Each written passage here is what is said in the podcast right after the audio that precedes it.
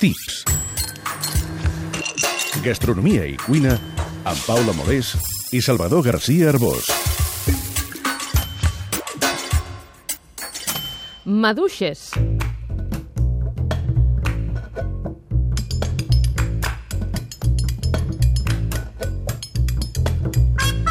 Fraula i fresa. Maduixa i fraga. Fresa. Fragole. Fresa. Strawberry. Si algú vol agarrar maduixes, s'ha d'ajupir, perquè la maduixera és de mata baixa. N'hi ha de salvatges i de conreu. Són fàcils de conrear, per això les trobem des de Finlàndia fins al tròpic. Té gràcia sortir a collir-ne al bosc, dolces, de sabor intens, de vermell llampant, menudes i delicades. Les maduixes tenen una estructura fràgil i no maduren després de recollides i, clar, el seu sabor tampoc millorarà. Per això les hem de collir quan ja siguin a punt de ser menjades. A casa duren pocs dies i encara menys si les hem remullat. Només es tornaran toves i començaran a podrir-se. Què és la maduixa? Alguns diran que aquesta fruita també és una hortalissa perquè, en general, se conreen a l'horta. Ara bé, la maduixa no és el fruit de la maduixera. La fruita que ens mengem és un engruiximent del receptacle floral i els fruits són aquells puntets minúsculs, una mena de fruits secs en miniatura. Let me take you down,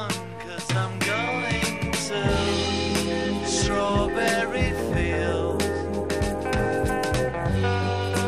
Nothing is real,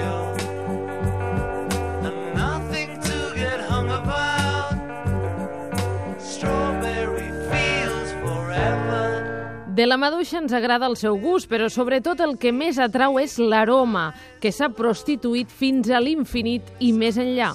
La indústria sintetitza l'aroma artificial de la maduixa per a llaminadures, gelats, begudes, perfums, ambientadors o confitures. I precisament de la seva fragància en deriva el seu nom, del llatí clàssic fragare, exhalar una olor forta, bona o dolenta. En deriva fragans i d'aquest fraga. De fet, en algunes comarques de les maduixes en diuen fragues i en d'altres fraules. Els valencians, de fet, en diem sobretot freses, un barbarisme més, que ve del castellà fresa, que ve del francès fresa. I us les mengeu amanides amb suc de taronja, suposo. Alguns, encara que no hi ha res més clàssic que menjar-les amb nata. Menja oficial del torneig de tennis de Wimbledon. Les maduixes amb nata les trien els que tant els hi fa la línia i els que no es trauen del cap aquella escena de nou setmanes i mitja. N'hi ha que les prefereixen amanides amb moscatell, garnatxa, vi ranci, quatre gotes de vinagre o sense res més que la maduixa sencera per poder-la anar mossegant d'una manera més sensual.